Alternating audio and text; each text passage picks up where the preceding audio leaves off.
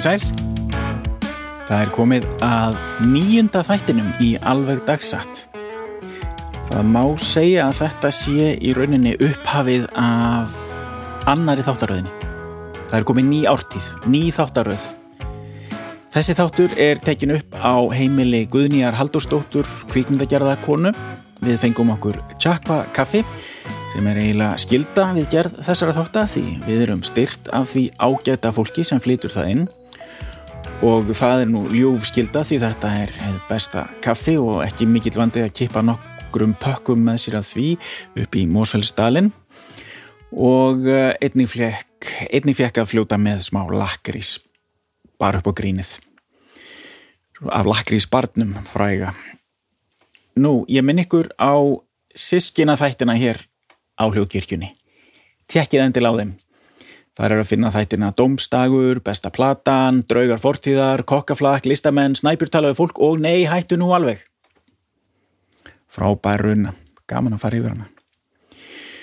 Nema hvað, viðmælandi minn í þessum þætti, þætti sem er einhvers konar uh, sagna bortennis, ping-pong af sögum, uh, viðmælandin er hún Guðni og uh, hún hefur helgað sér kvikmyndagerð.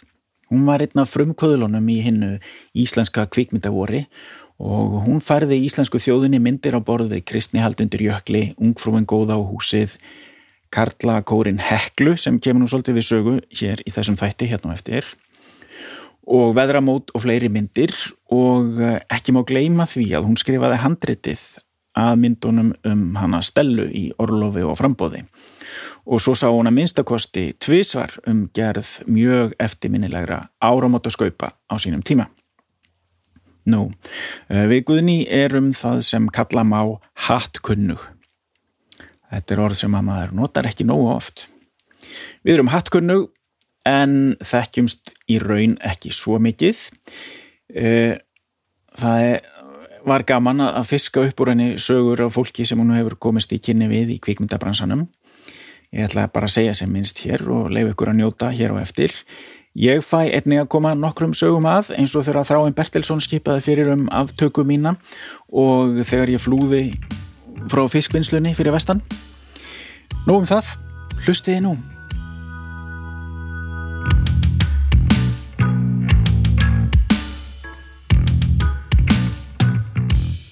Ég held að við séum bara að fara á stað, Guðni og við ætlum að skiptast á sögum. Þetta heitir Alveg Dagsat og við bjóðum hlustendur velkomna.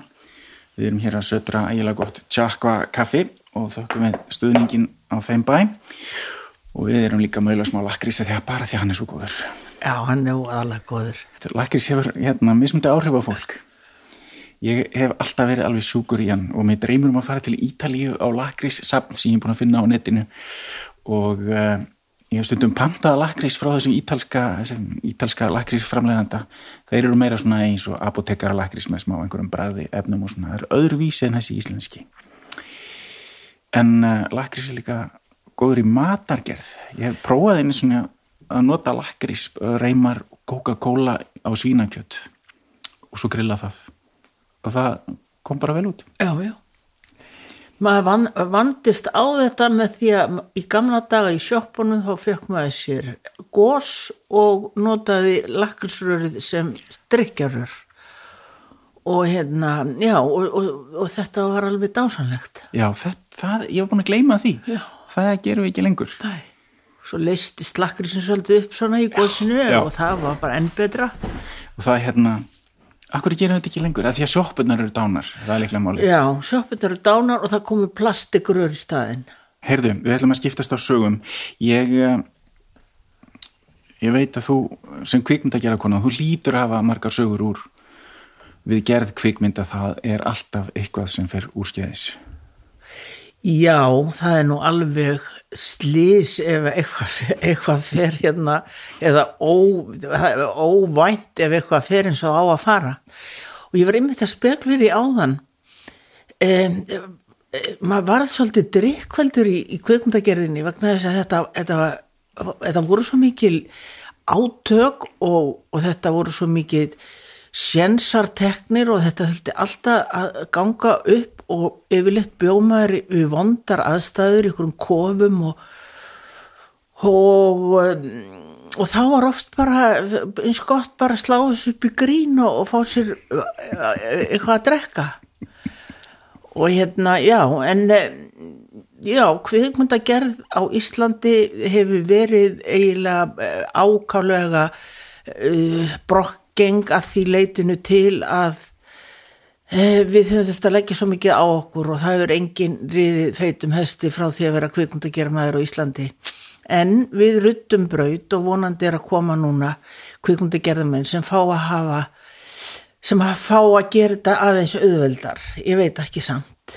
Nei, já menn voru náttúrulega veðsetja húsin sín fyrir eina bíómynd og þá, lá, þá var allt lagt undir.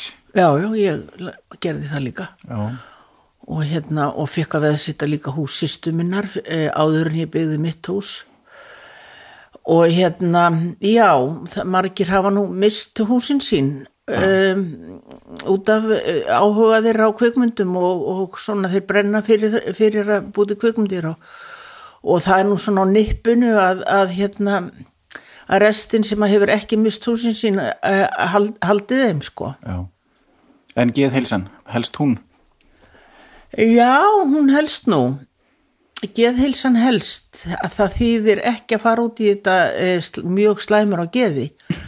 En, en nei, en hérna en þetta er búið að vera barningur. Já, já, ég, eh, ég hérna stofnaði fyrirtæki mitt 1983 umba umba og, og það er ennþá skráð og, og það er ennþá, það er held ég elsta kennitalan á kvikmyndafyrirtæki á landinu vegna þess að það breytt allir um kennitölu bara eins og meðal svindlari. Já, við, við hverja mynd? um, sumir Sumir, hverja mynd uh, núna er það skilda að uh, gera mynd alltaf á nýrri kennitölu. Já, hver mynd er bara, bara fyrirtæki. Já, Já, þetta er sko ég eh, ég man þarna í kringum 1988 eitthvað slegis 87, 88 89 þá var ég að velta fyrir mér hvað ég ætlaði að verða þegar ég yrði stærri. Og kvikmyndagerð var eitt af því sem ég hafði áhuga á. Og uh, þá svona aðeins hérna kom, komst ég inn í hennar bransa, ég var að vinna fyrir hann uh, Villa og Ara hjá Rif HF og þá kynntist ég ykkur svona aðeins og svona sá hvað var að gerast og uh, ég ákvaði ég ætla ekki að verða kvikmyndagerðamaður þetta bara þessi hérna 2-3 ár sem ég vann við þetta læknaði mig af, af því uh, og ég ákvaði að læra ljósmyndun í staðinn.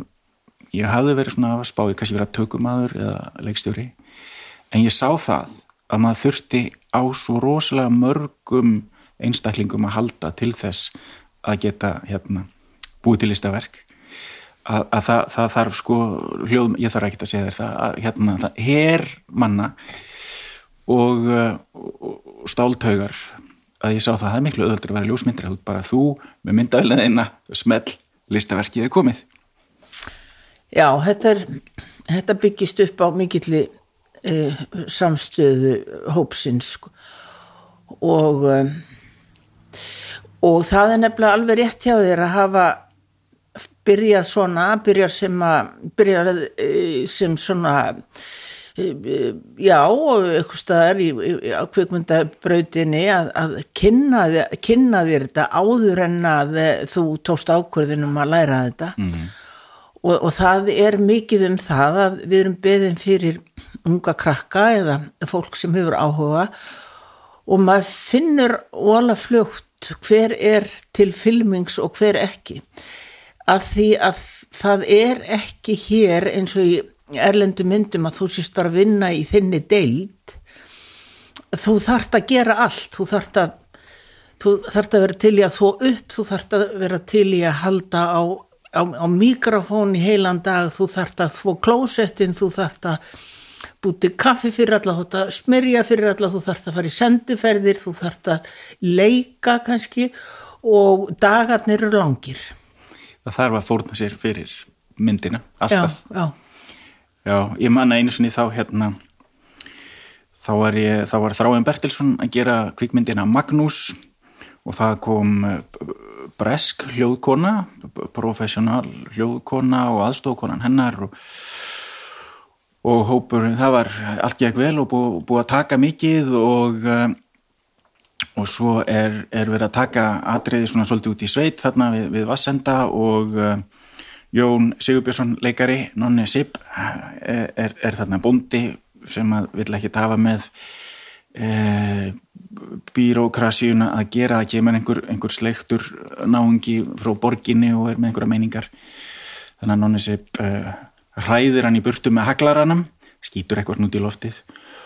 Og og svo fer hann inn í landabrugsversmiðina sína og sínir síni sínum og, og, og svona segir, þú getur ekki verið að veifa þessum haglara hérna bara út í loftið, það getur verið stórsleis af því, hvað þetta? segir Jón Sigurbjörnsson og þá hleypur skot af og fer upp í þakkið og ha ha ha brandari, nema hvað þeirra var verið að taka þetta atriði að þá er skotið svona einhverja bári á splötu og svona þetta er notað einhver, einhver kvikmyndatryggs og, og það, er, það er skotið og það er úðalega læti og, og Ari er á, á kamerunni og, og þráinn segir já, fínt, Ari var þetta í lægi Ari bara gefur upp þumal og segir já, þetta var flott.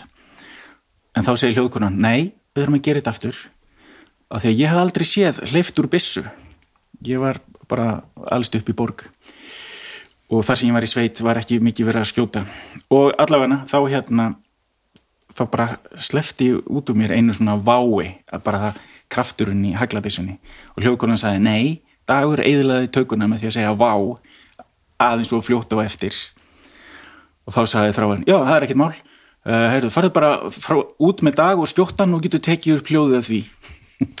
Og í smástund var ég svona að því að þráin er náttúrulega sko, get, getur verið hérna, skapstór. Og hann áttu það til að skeita skapi sínu á, á hérna á þeim sem voru lægra settir í, í kvikmyndakeðinni sko. Þannig að ég var svona pínlítið nervus þarna á díumbeli en allt fór vel, ég er hér enn óskotin. Þetta hefur verið Martin Kuke hún var nú, Já, svo var nú ekki að að hérna láta trubla sig, hún var hérna á mínum vegum, við vorum bekkjafélagar í London. Nú? Og hún ætlaði að flytja hingað uh, og bjó hér í, í nokkur ár svona og tók uh, hljóði ansi margar myndir. Já, já, hún kom á landróverðnum sínum. Hún kom á landróverðnum, já, já, hún var, uh, hún var eiginlega flóttamaður úr sínu eigin þorpi í Vestendi í Belgíu því að hún var sko, hún er kona en hún er kallmaður að eðlisvari. Já, ég myndi ekki vilja fara í sjóman við hana til dæmis. Nei, en hún hefur aldrei vilja láta breyta sér eða, eða hérna eða, en hún er sem sagt kallmaður, hún býr núna í Ástralíu með, með konu. Og hérna rosalega góð fagmanniska og ég þekki hana og hennar fjölskyldu og, og við hittumst ennþá þessi klíka úr, úr kveikmyndaskólanum við hittumst fyrir nokkrum árun síðan út á, út í, á eigu fyrir utan, fyrir utan La Roselle í, í Fraklandi og, og svona höldum hópin Já, Já. Hva, hva, hvar var námið, í hvað skóla varstu? Það var í London. Já. Í London International Film School hétt það og um, við um, urðum svona tím fljó, fljótlega, ég, ég vorkendi þessari stúlku sko, það var gert svo mikið grínaðinni í heimabæð sínum í Óstende í Belgíu að því að hún var alltaf á svona, hegðaði sér eins og strákur átti mótu hjól og, og svona var aldrei svona baldinn. Og síðan þegar pappinnar fyrir að taka eftir hvað hún er kallmannlega og hún er með eins og straf þá hætti hann að tala við hana og einhvern veginn hún var rosalega innmanna og ég sá það og ég var alltaf innmanna líka fyrst í skólanum og, og við erum vinnir og svo tókuðu til okkar fleiri vinni og endum með því við, við legðum okkur íbúð saman þessi hópur. Og um, en síðan er fæðirinnar búin að fyrirgefinni Já, já. Saga sem endar vel. Já. Það er nú breytti tímar í þessa dagana. Já, hann, hún er algjör stóð hans og stitta núna þegar hann hann gammal kall já, frábært uh, þessi skóli var hann þarna í uh, Covent Garden eða Já, ekki? Covent Garden. Það var þarna pub við hliðin á sem að hétt Two Brewers Já, Var hann uh, hérna stundaður? já, já, hann var stundaður vel og mikið alltaf eftir hvert skóladag var farið. Ég skildi nú aldrei hvernig kennararnir gáttu fengið sér eh, bjór um miðjan dag og því að maður verið svo sifjaður á því og bara og, og koncentreraður en, en, en þetta er mikil bjórkallar þarna og, og svo var, uh, svo var svo var sko líka klúpur sem hétt Seven Dials, þetta er rétt hjá Seven Dials, það sem eru svona ringtorg með sjö útgöngum. Mm. Þannig miðborg London og, og þar þurftur að vera meðlimur og þar vorum við með kennurum okkar og, og hérna þeir leiftu okkur inn og, hér, og við vorum í miklu uppáhaldi hjá þessu kennaralið okkar og hérna þeir hafa sumi hverju komið hérna heimsótt mig og Já, og, og líka hef ég heimsótt þá suma og, og þeir hafa, þeirra hefur sagt, farið yfir handritin mín og, og skammað mig alveg hrein þar til ég var orðin sko 60 á hættan að skamma.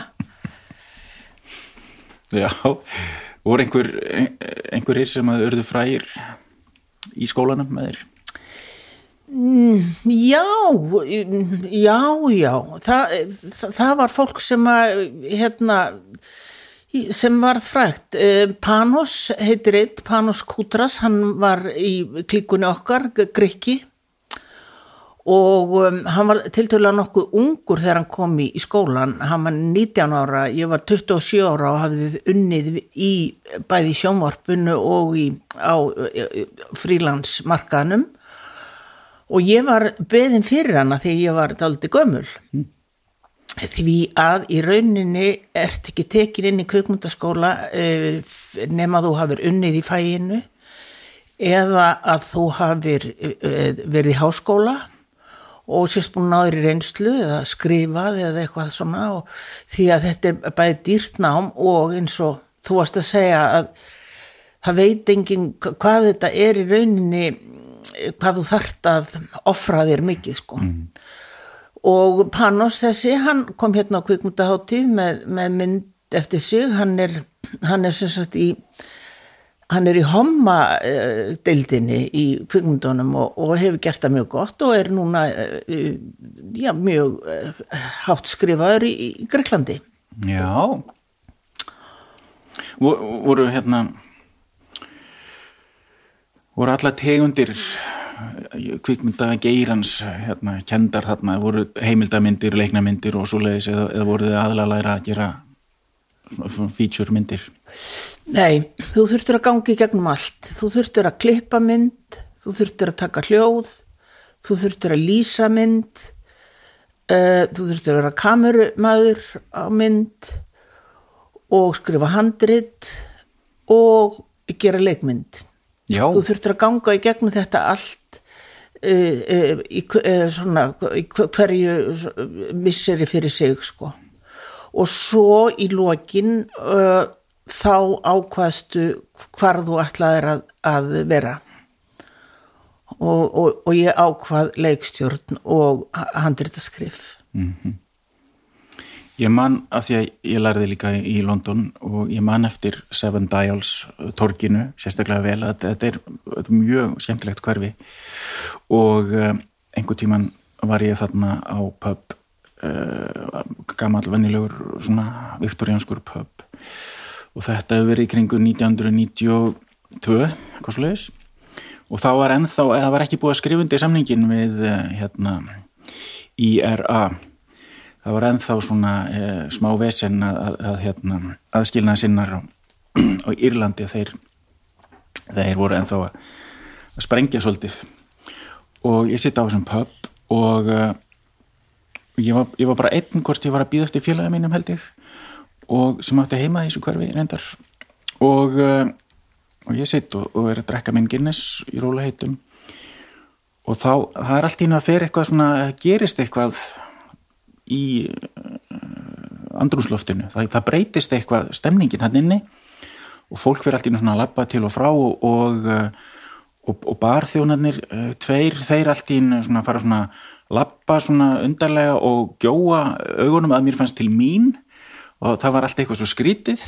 Og svo fór fólk svona að fikra sig út og svo var eitthvað svona heyrðist í talstöð fyrir utan og svo kemur lauruglumadur svolítið svona í, í svona einhverju skotheldu vesti og svona vígalegri heldur en bara menn sem stjórna umferð og hann lappar svona ég veit ekki, menn sem er í hér og lauruglu þeir lappa ákveðin hátt alveg svona, þeir er ekkit að að, að, að, að svona dilla sér neitt, hann bara lappar beint á mig bara eins og, eins og lest á teinum miðar beint á mig, þumlarnir vísa fram og hann lappar svona eins og velmenni stoppar, horfur á mig og segir hérna, hver er þú? Ég segi bara, ég bara heiti Herra Gunnarsson frá Íslandi. Er þetta bakpókið þinn? og bendir á bakpóka sko sem var sko hærra en ég í sæti. Það var reysa stór bakpóki svona eins og menn sem fyrir að ferðast um allan heiminn eru með. Og um, ég líti hliðar og það bara, hó, já, það var eins og væri manneski nei, þetta er ekki minn bakpóki já, vinsanlegast, komdu með mér út og þá er búið að rýma pöppin og þeir heldu að væri sprengið þarna því að enginn kannast við það eiga bakpókan og það var leiðin aðferðin að bara skilja eftir svona tösku og svo búm, sprengur hún.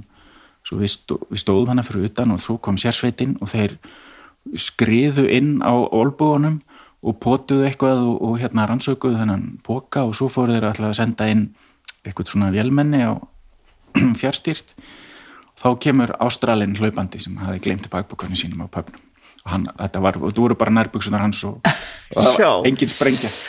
Ég man eftir þessu þetta var nefnilega, það var ekkit sniðut að vera í miðborg Lundun á þessum árum. Um, ég man eftir því við hefum verið í Swiss Center sem er hann alveg nýri bæ, alveg nýri á Listerskver og hefum verið að fara á kaffehús og kipta okkur svissneska osta. Og hálf tíma síðar var bara búið að sprengja sprengju í Swiss Center og þetta var, þetta var mjög krítist ástand þarna. Mað, sko, en maður var kannski ekkit að þvælast mikið um í miðborginni á kvöldin. Nei.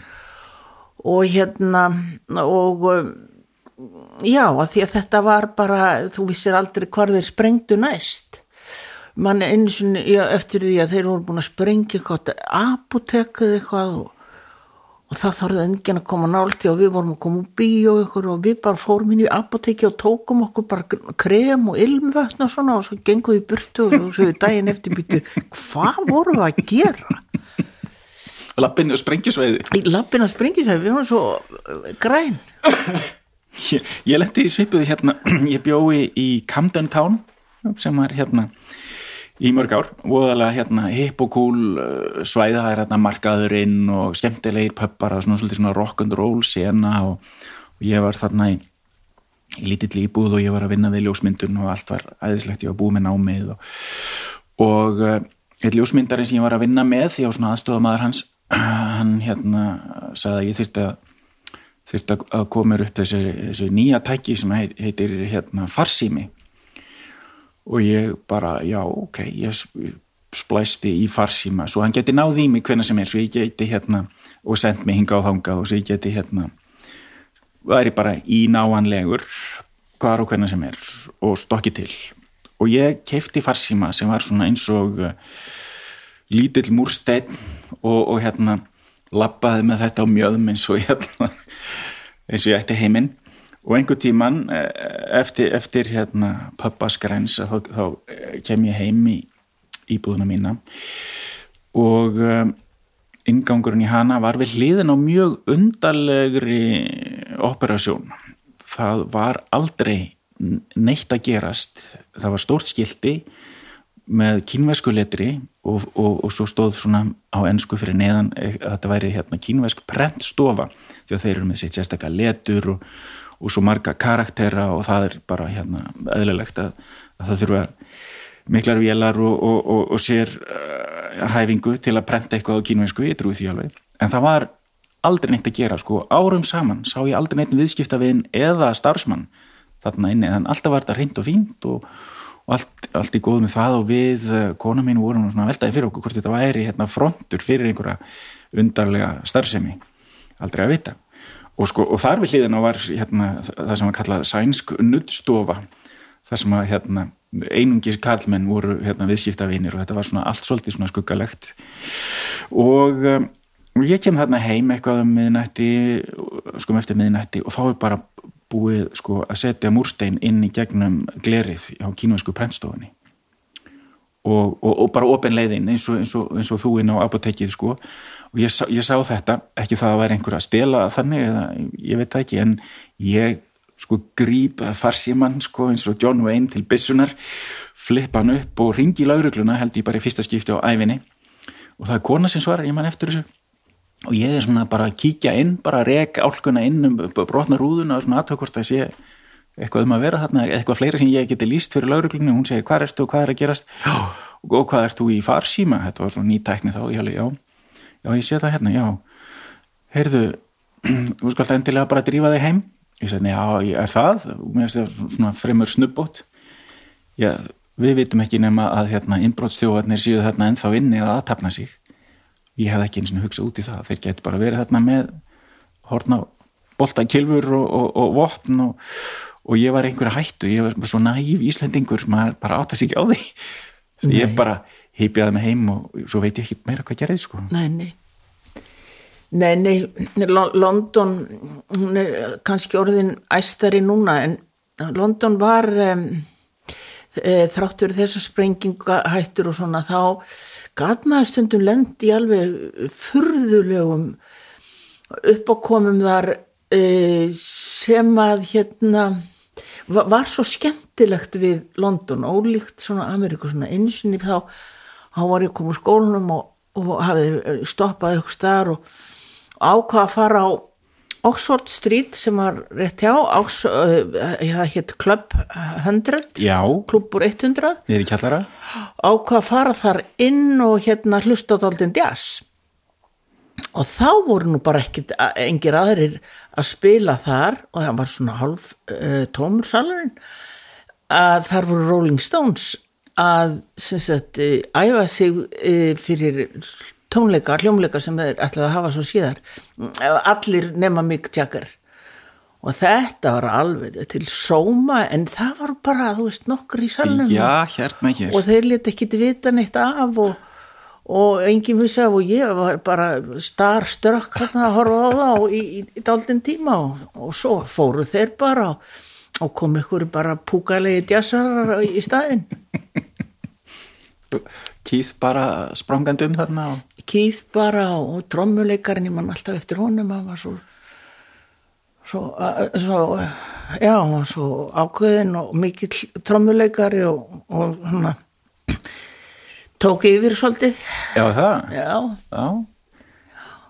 Ég, ég fæ þá tilfinningu að hann sé alltaf svo, svona, svona fítn í tauginu já, svona... já, flottur flottur maður hinn eru meira eins og, eins og hérna rónar dregnir öfugir í gegnum runna en hann, hann er alltaf svona pressaður. Hann er pressaður. Er ekki Char Charlie Watts? Charlie Watts. Ah. held ég hann hitti, já maður er búin að gleyma þessu sko, já já, en það var svona, þú veist og, og Paul McCartney kerði gegnum geg, gegnum Seven Dials og, og við hérna, vorum mitt með mynda við tekið mynda á hann og hann var fastur í, í umförðastöppu og það, það var svona jú og svo einsinu var, var, var sjálfur Mick Jagger á labbi þarna í Shelton Street þar sem skólinn var og svona maður sá þessi alþektu andlit eh, þeim svona ef maður fór aðeins, aðeins út já. Já. að því að London var svona miðborg London var svona bara eins og svolítið svona þorp sko, það já. var það já Covent Garden er bara, er bara svolítið þorp sko. já, já. og það ger alltaf óalega væntu um það hverfi og, og skemmtilegt þar. Alltaf eitthvað, eitthvað nýtt að koma þar. Já, þetta, London er náttúrulega svo eðislega því hún er svo alþjóðleg. Já. hún er ekki England. Nei. sem betur fyrr en stundum er hún alveg sko opbóslega mikið England. En ég held að það hefði eitthvað breyst. Það er gaman að kunna á stórborgir Já. það er gaman að vita nákvæmlega styrstuleðina millir A og B og vita hvað er gott á borða, hvað er maður fer og hlustar á jazzin og allt þetta það, það, er, það er svona gaman að hafa það einhvern veginn í fingurgómunum finnst mér Já, já, já, það, það er það og, og hérna, já og, og mörguleiti eru breytar svona auðveldari fyrir okkur Íslendinga heldur en Skandinavar. Ég held að við séum miklu skildar í bretum heldur en Skandinavum.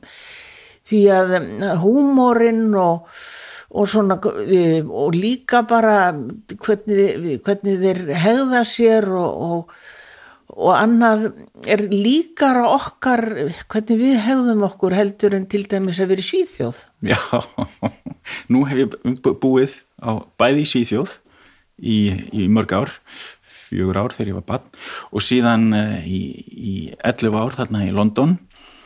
Og núna fyrir ekki svo lengur síðan, það er 2-3 ár síðan að þá hérna, fór ég og bjó í eitt ár í Dublin í, í, hérna, á Írlandi.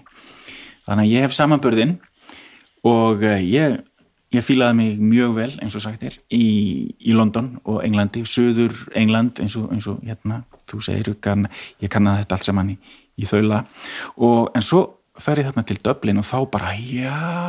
Þá bara hittur ömmuðina það var bara nákvæmlega þannig sko, maður fór bara út í apotek og hérna sem var ekkert búið að sprengja það neitt svo leiðis og svo kom maður aftur viku síðar og þá var bara how are you Mr. Gunnarsson? Og, og það var hérna ég, ég, ég þurfti að taka einhver svona áfnæmislif svona eitthvað, antihistamin eitthvað sem að þar þurfti ég að vera með reseft og og, og resefti einhverju hlutu vegna var bara stílað einhverju svona eh, litla pakka þannig ég þurfti að fara nánast í einu sinni viku alltaf í apotekið og í þessum eh, hlutadöblin sem, sem ég var bjói eða við eh, var svona svolítið út í aðreinum sko maður var kannski 20 mínútur með léttilestinni alveg inn í miðbæ. Og, og þetta var svona nervi sjó og uh, ég þurfti að rætta mér þessu, þessu hérna livjum þarna og, og, og gerði það og ég var ekki búin að læra almenlega á göttuna, þarna voru bara tveir pöppar til dæmis í þessu hverju þanniglega, já, tveir. Og, og svo sé ég þarna er apotek og það er örmjótt, þetta er svona eins og, eins og bara í Amsterdam, svona mjótt hús. Og fyrst er, er, er bara kona sem selur smink og naglalakk og eitthvað svona og, og ylvöld og alveg innst, maður veist að lappa sko alveg, mér fannst þetta að vera næstu í 100 metrar þar er svona lítið lúa og það er maður með þverslaufu sem að segja svona, já, bara svona vingar til mín já, kontu, verðu ófeimin við ylvatskonuna, kontu bara alla leið inn hérna, ég skal selja þér hérna lif og ég, hann var eins og hann var inn í, í skáp sko.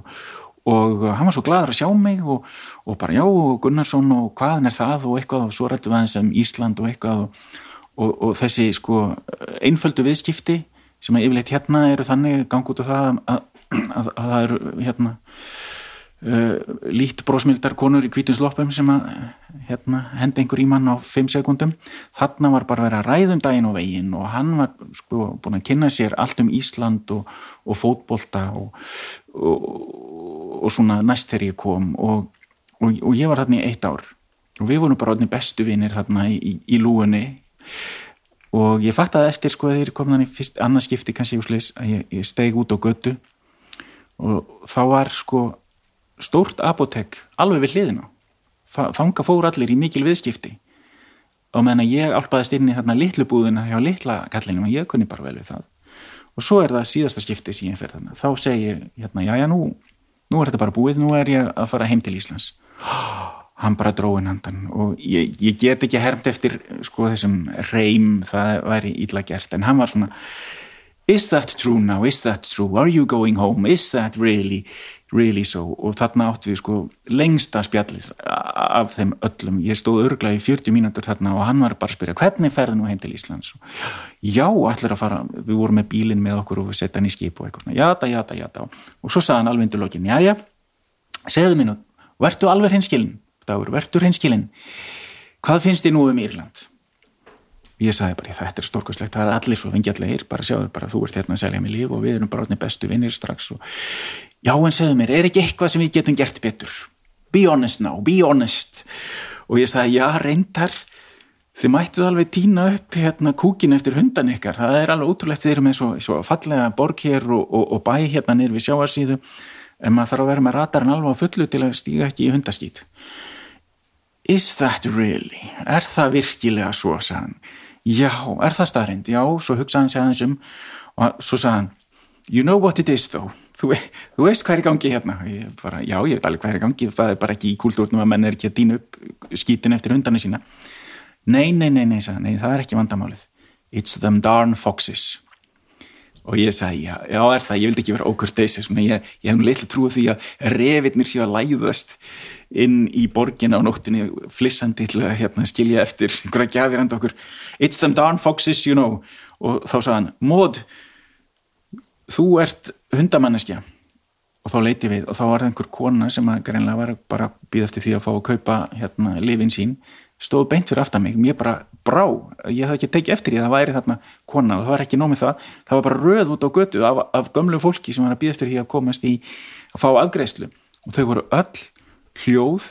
Þau voru öll bara að fylgjast með hérna, þessum umræðum um Ísland og revina, it's them darn foxes og mót blanda sér í þess að samlösa nei, veistu það, þetta er, þetta er ekki rétt þetta er ekki revitnir, sko, það er öðruvísi kúkur og það er öðruvísi lykt af honum og, og, og svo var, voru við bara komin út í það að ræða mjög mikið um ref, refa hérna uh, byggðina þarna og, og kúkin og hvernig lykt væri af honum.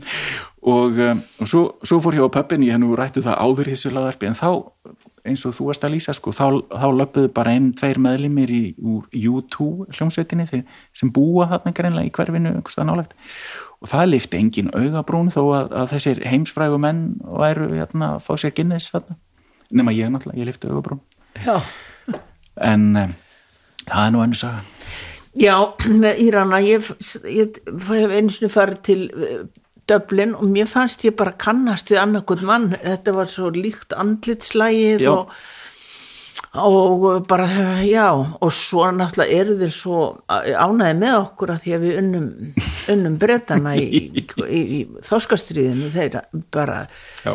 maður er, er, er tekin alveg sérstaklega framfyrir út af því. Óvinn er óvinn okkar. Mm. það er rétt, já, þoskastriðið ég hafa búin að gleyma því Það var einn saga af Tony Cook sem ég hafa svolítið fyndin. Hann var hljóðmaður, kom til Íslands og takk upp alls konar plötur og hann átti íslenska konu eða kærustu, hana Eirúnu og Eirún saði mér þessa sögu.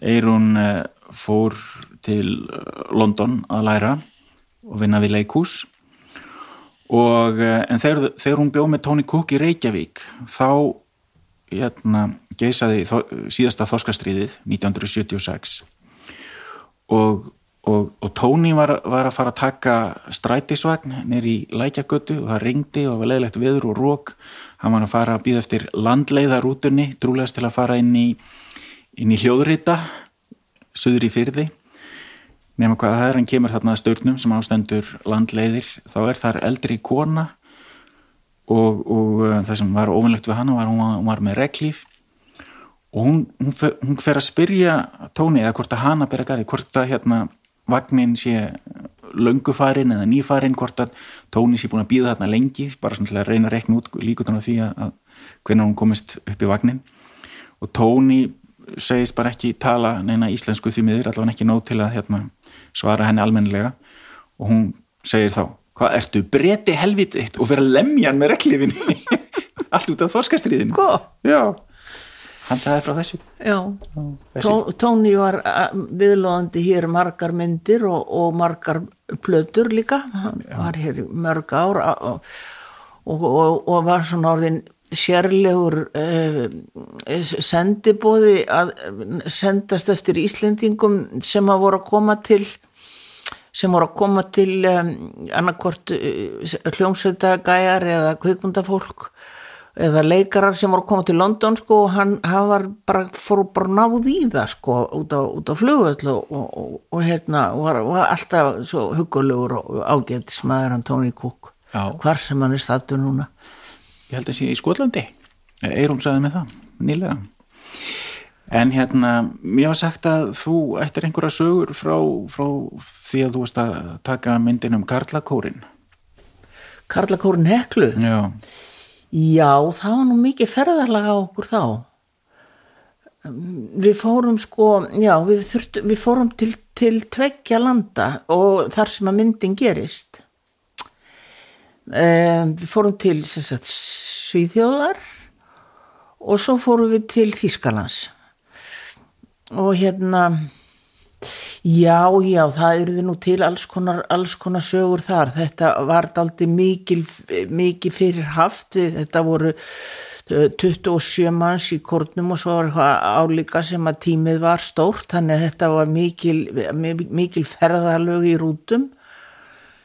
En um, við kynntust þarna, eða við að, við tókum upp í, í filmgórden Eh, sem að Hassi og Tage, það eru menn sem að voru, eh, sem sagt, þeir voru skemmtikraftar og leikarar og rittöfundar og þeir eh, byggðu sér hús og byggu til fullt af gafmyndum og, og ekkert byggðu sér hús, þau kiftu stóran herragarð á skáni og hérna, og þar sem sagt byggum við hluti og kórin var á hóteli og hluti af, af hópnum sem var að taka upp myndina bjóða þessum herragarði. Og þeir hefðu tekið upp um, Picassos eventýr heitir hún, eventýr Picasso hefðu tekið upp hana í, í, á, á þessum filmgord. Og leikmyndi var enþá uppi að því leitinu til að, um, að þeir hefðu ekki málað yfir neitt sem að sem var svolítið skemmtilegt því hvert herbergi var eitthvað alveg út úr kúi en já, já, það voru nú mikið af það var nú mikið brambolt á okkur í kallakortum höklu um, það var nú eiginlega það eftirminnilegast að við þá um, ferð alla saman, ég var að segja þér sko maður drekkur, drekkur svolítið á kvöldin en þarna sko þurftu allir að kunna textana og af söngnum og margt og flestir í kornum voru bara vennulegi menn og, og síðan sungu þeir yfir upptöku sagt, af fóstbræðrum. En það var svo leiðis að við sungum bara, það var bara kvöldmatur og svo byrjaði að syngja og sungið og sungið og sungið og um, það var svo eftirminnilegt hvað og svo komum við einu sinni, einu sinni vorum við að borða á einhverju hóteli og í öðrum sál var um, brúðkaup. Og við gerðum okkur lítið fyrir og fórum upp á svið öll og sungum, tókum svona hrustamenn og, og eitthvað annað. Og og hérna Og, og þau eru svo móðguð eh, brúðhjónin og við bara horfðum fram hjá því og við, við vorum okkur að smala eða út með skýt og skömm. Svo komið hérna nokkur gestir og eftir okkur og segði bara því líf, hvað gaman þetta og hann og en, en brúðhjónin voru voðalega óna með þetta. Og ég veit ekki hvað kom yfir okkur að vaða hann upp á svið.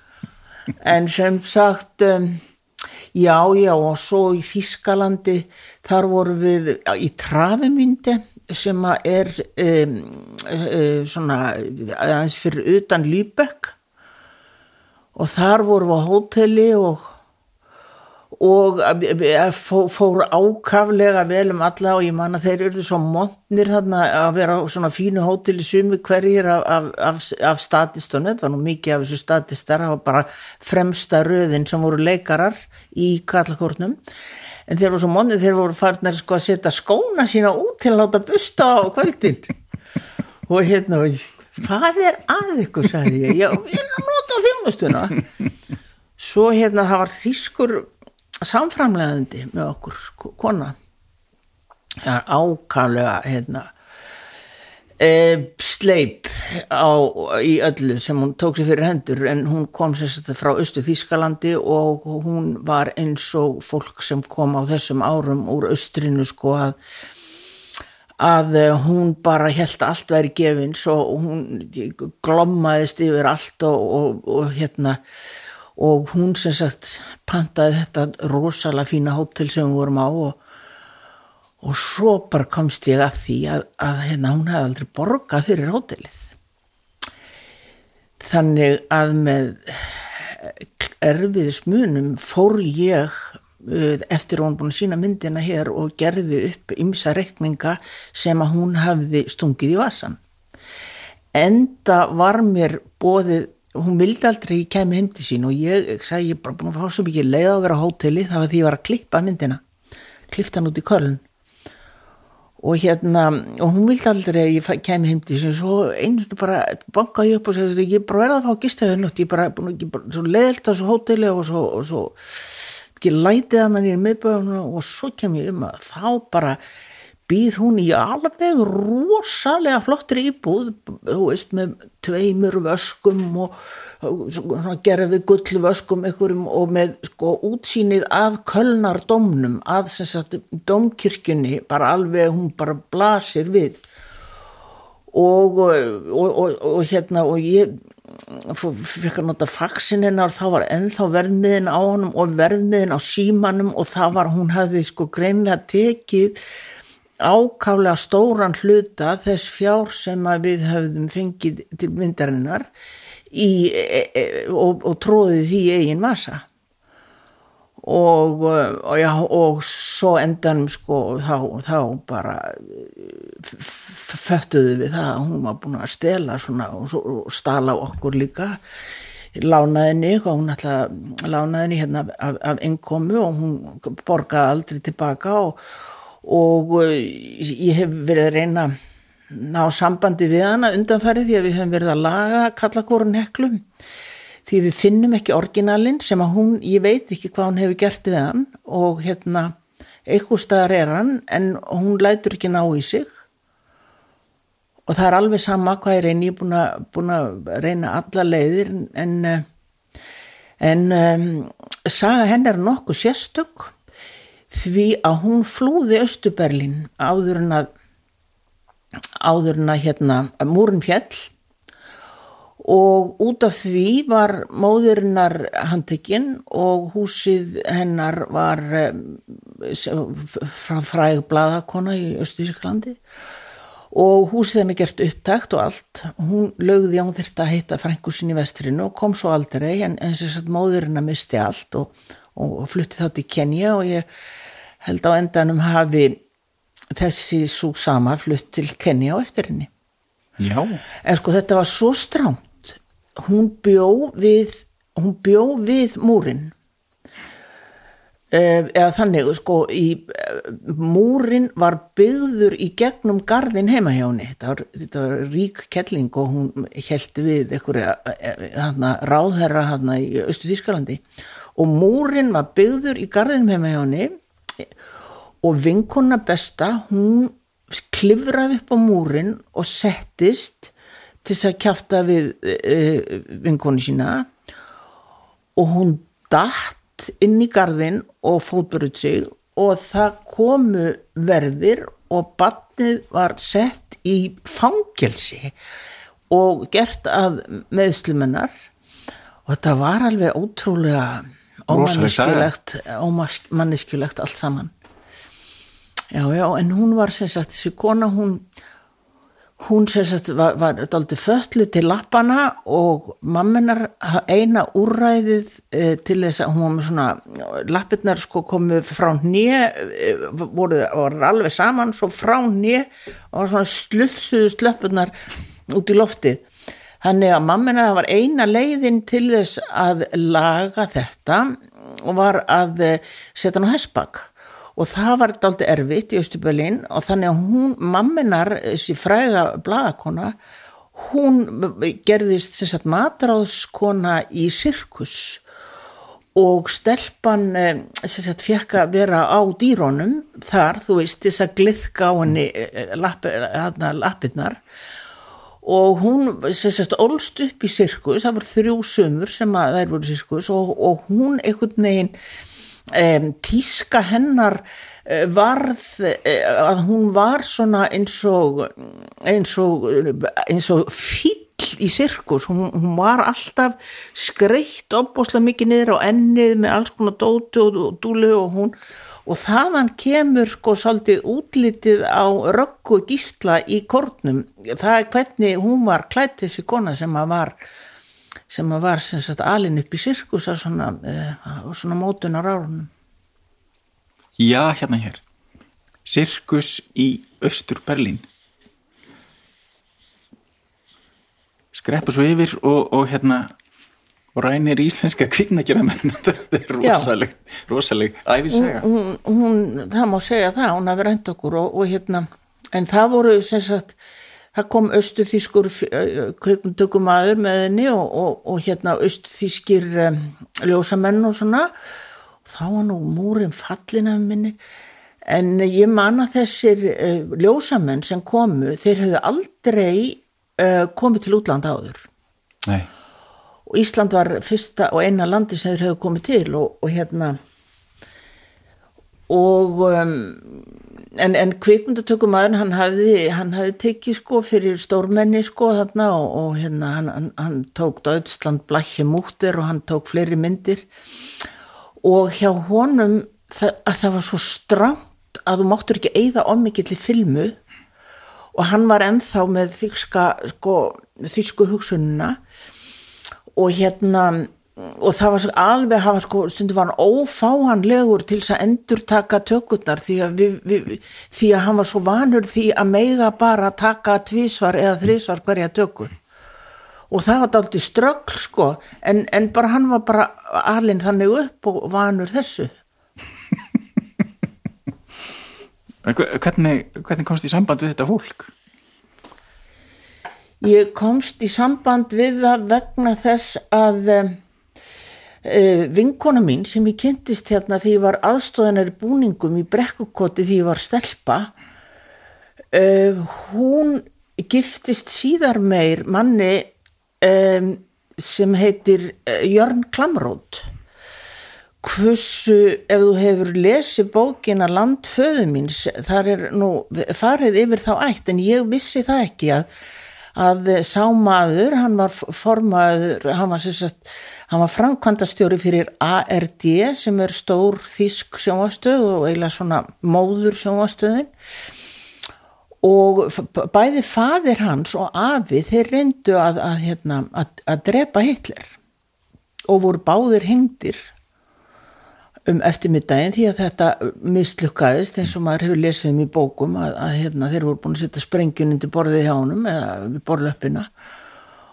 Og þeir voru hengdir og móðir hans, hún var sendt til Sviss á samt tónum og þar, þar var hún í, í sagt, þar var hún í, í smá eða var í nokkur ár sko, henni var haldið þar bara e, frá öllu sko e, svo fluttist hún nú aftur til, til Þískarlands og hann.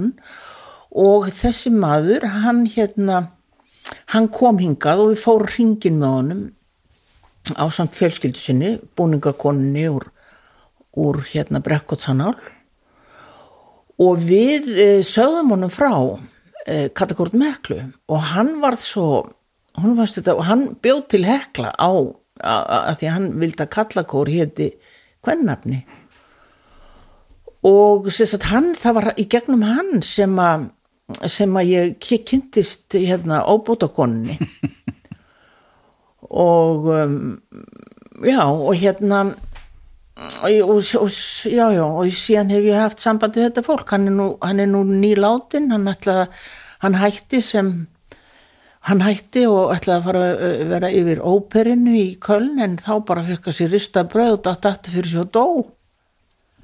Svipur ekki og ég aðeins eldri. Já hérna. Já aldrei eldri. En, en hérna það var mjög merkild og hann, hann sagði að okkur aldrei, ég, það var ekki fyrir en að ég las þessa sögu sem Frankan skrifar um þessa fjölskyldu hérna, um þessa fjölskyldu sem að sem er reyndað að, að drepa drepa Hitler og hvernig það opnaði svo bók opnaði fyrir mann svona vissa og aðra sín á nazismann og á uppgang nazismans mm -hmm. Þetta er ótrúlega bein tenging við Hitler. Já, þetta er mjög bein tenging við Hitler. Ótrúlegt. Mm. og hér sitjum við bara. Mm. Ég var í, ég var í giftingu í fyrra hjá þessu fólki. Og það er ekkit sko hann múið að gifta sig einn dóttir, ein dóttir þeirra og það var sko fjóra daga dæmi. Já. en dóttirinn svo anti-snobbuð að hún held hérna giftinguna, hún var að giftast uh, eh, rítöfundi hún er sjálf sjónvarsproducent að hún held sagt, upp á uh, veistlan var haldinn í svona kristjaníu doldilli Já, og þar var allt mektar fólk Þýskarlands úr, úr kvikmyndaheiminum komið alveg reynd og komið sko langt að. Og hérna svipurinn á því var aldrei eftirminnilegur því, því að hérna hún svona niðróðið snopp sem er líka hægt að segja sé snopp já En þú hefur fílað það? Ég, var líka aldrei hissa ég minna hérna, þannig lagaði ég veist þetta bara fyndið hjá henni en, en hérna stundum er ekkit betra að vera svona opáslegt niður á því stopp sko. Nei. Að hérna Þú, þú ert nú svona uh, 68 kynnslóðinni svolítið, er, er ekki svona, er ekki svolítið hippi í þér? jú, ég tók það uh, tók það allt saman ja, mjög alvarlega. Já, hippamennskuna og, og uppgjörði fóreldrana og Og, og svona, já, ég var, ég var, var í Afganistan pels og svona og, Já, svona sko, e, e, e, svona svolítið, svolítið mótsögn við þetta borgaralega system Já, sem var já, fyrir. já. já, já, já, já, ég hugsa fóreldra mínir líka en svo hef, hef, fekk ég ekkert sko. Það, það er svo erfitt að hérna fara í uppreist gegn hippónum skilur já, það er nú sagt að, að hérna, börn hippana séu þau alborgaralegustu. já, Þetta kemur svona í sveiflum.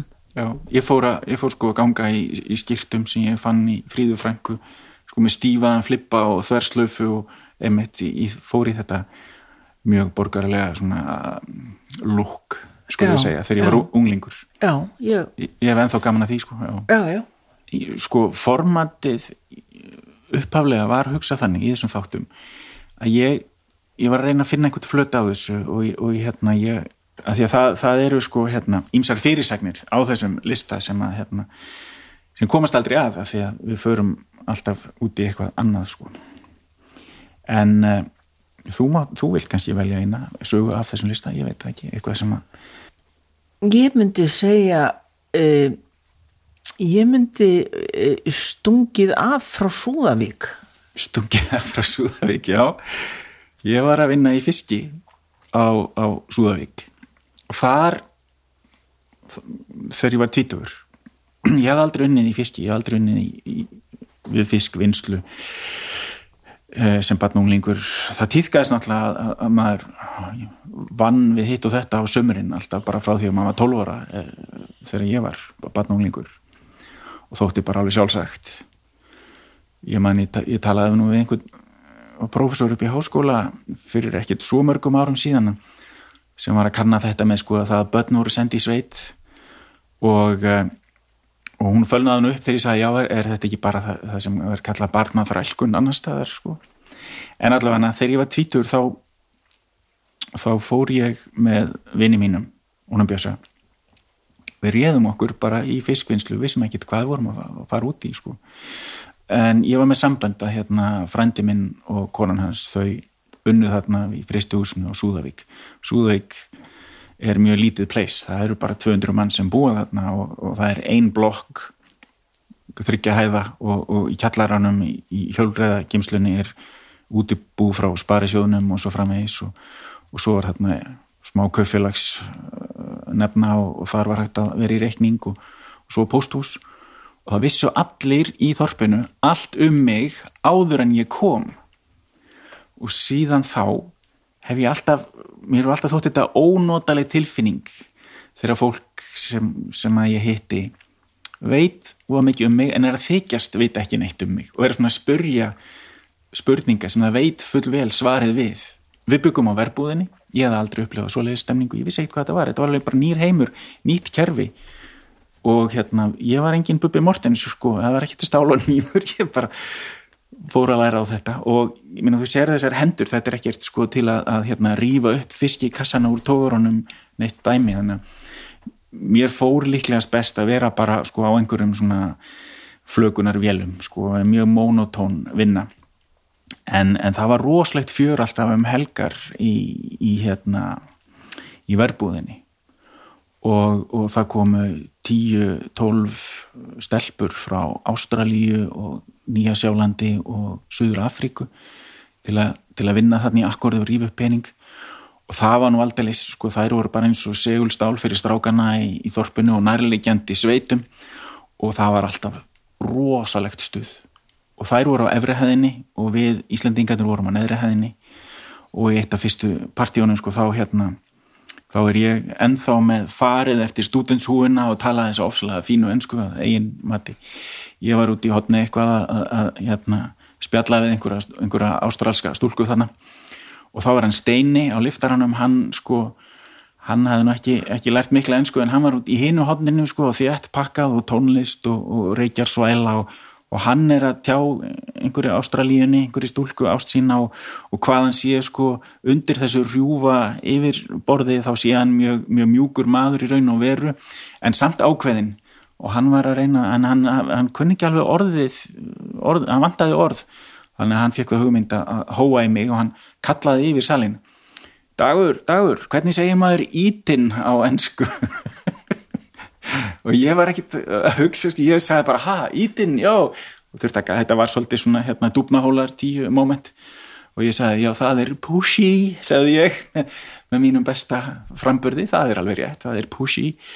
Og hann stoppaði og sagði pussy það segi, það þú platta mig ekki svona ég veit alveg hvað pussy þýðir. Og það bara þagnaði allt og eftir þetta var bara þessu orði flaggað vítt og breytt hvert sem ég fór sko, þetta var náttúrulega frika pínlegt en við við bjössið unnum þarna til að vinna okkur inn fyrir svona Evrópurreisu og við vorum þarna og þetta var mjög gaman og ég lærði mun meira á því að vera í Súðavík í tvo mánuði heldur en sko Evrópurreisunni nokkur sinni. Og, eh, og við vorum búin að panta flug frá Ísafjörði söður til að fara síðan til Evrópu. Uh, og, og það var eitthvað rúmvika eftir af döðlinni þarna.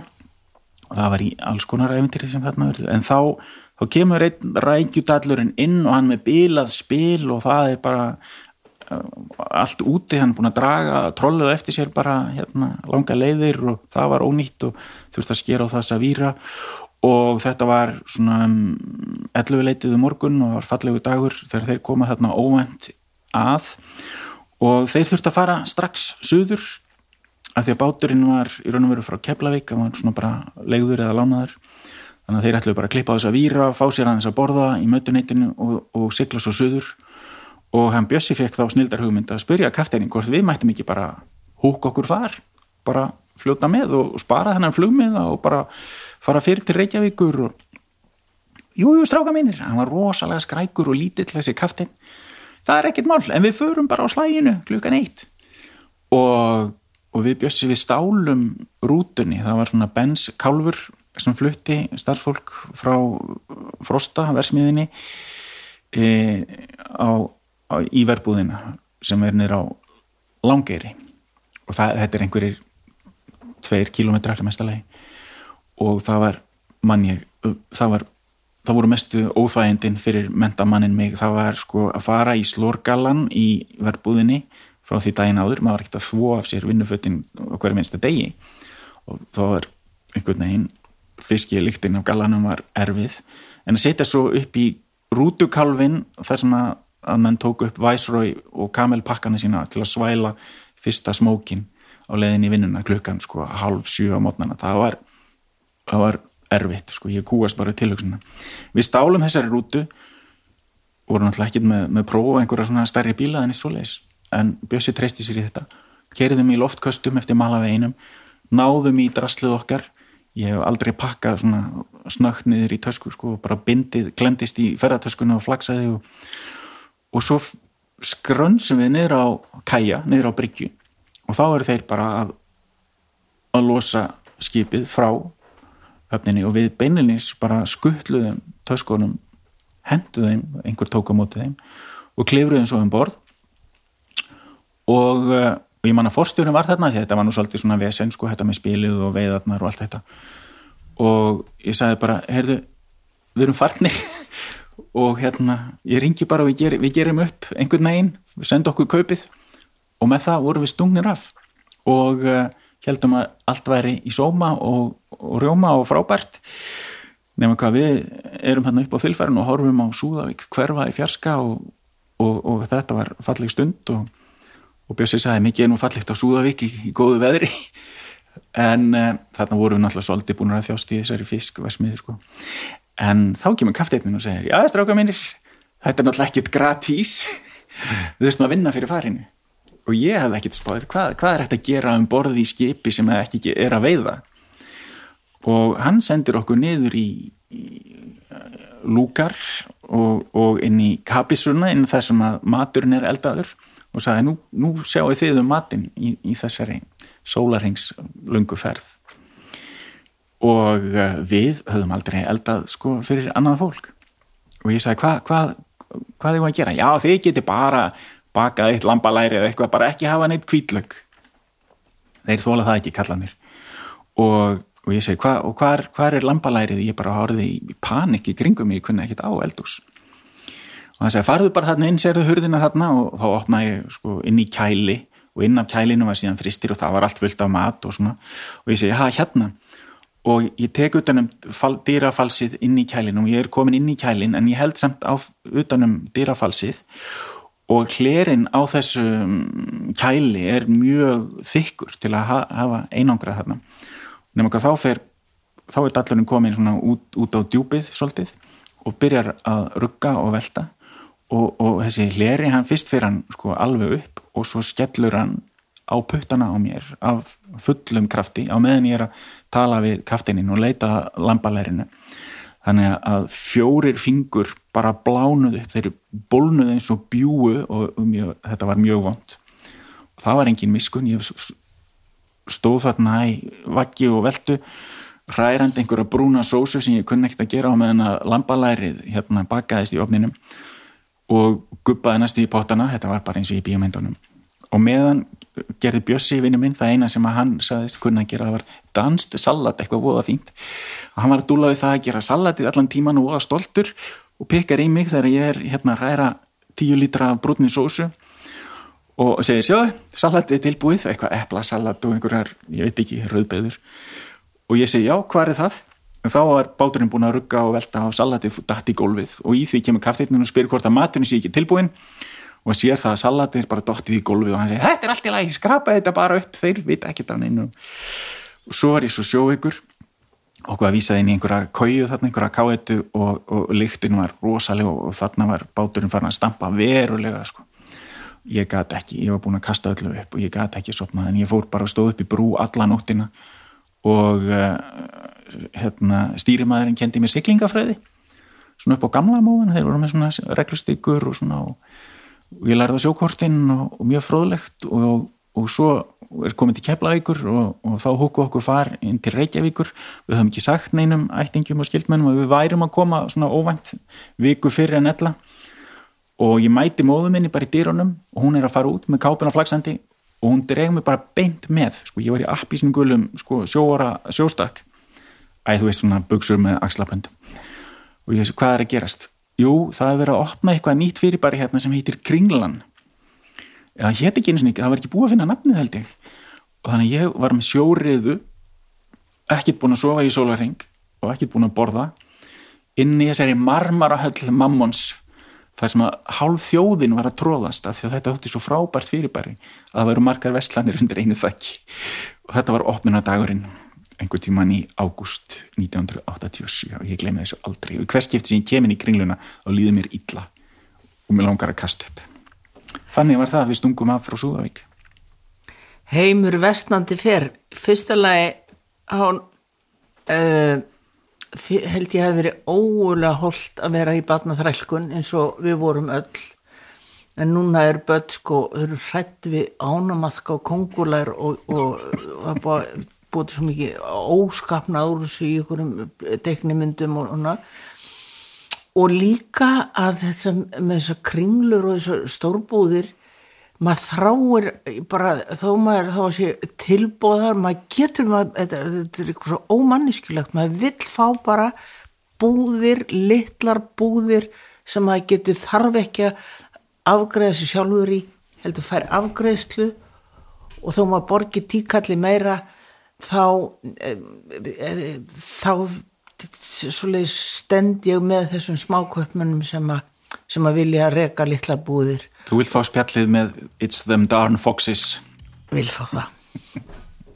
Guðni, ef við segja þetta gott? Já, þetta er fínt. Takk fyrir spjallið. Takk sem við leiðis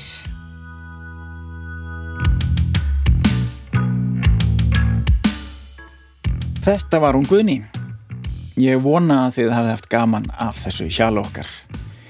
Það hefur myndast svo hefð hér í þessum þáttum að gefa viðmælandanum einhverja ímyndaða útvarpsgjöf.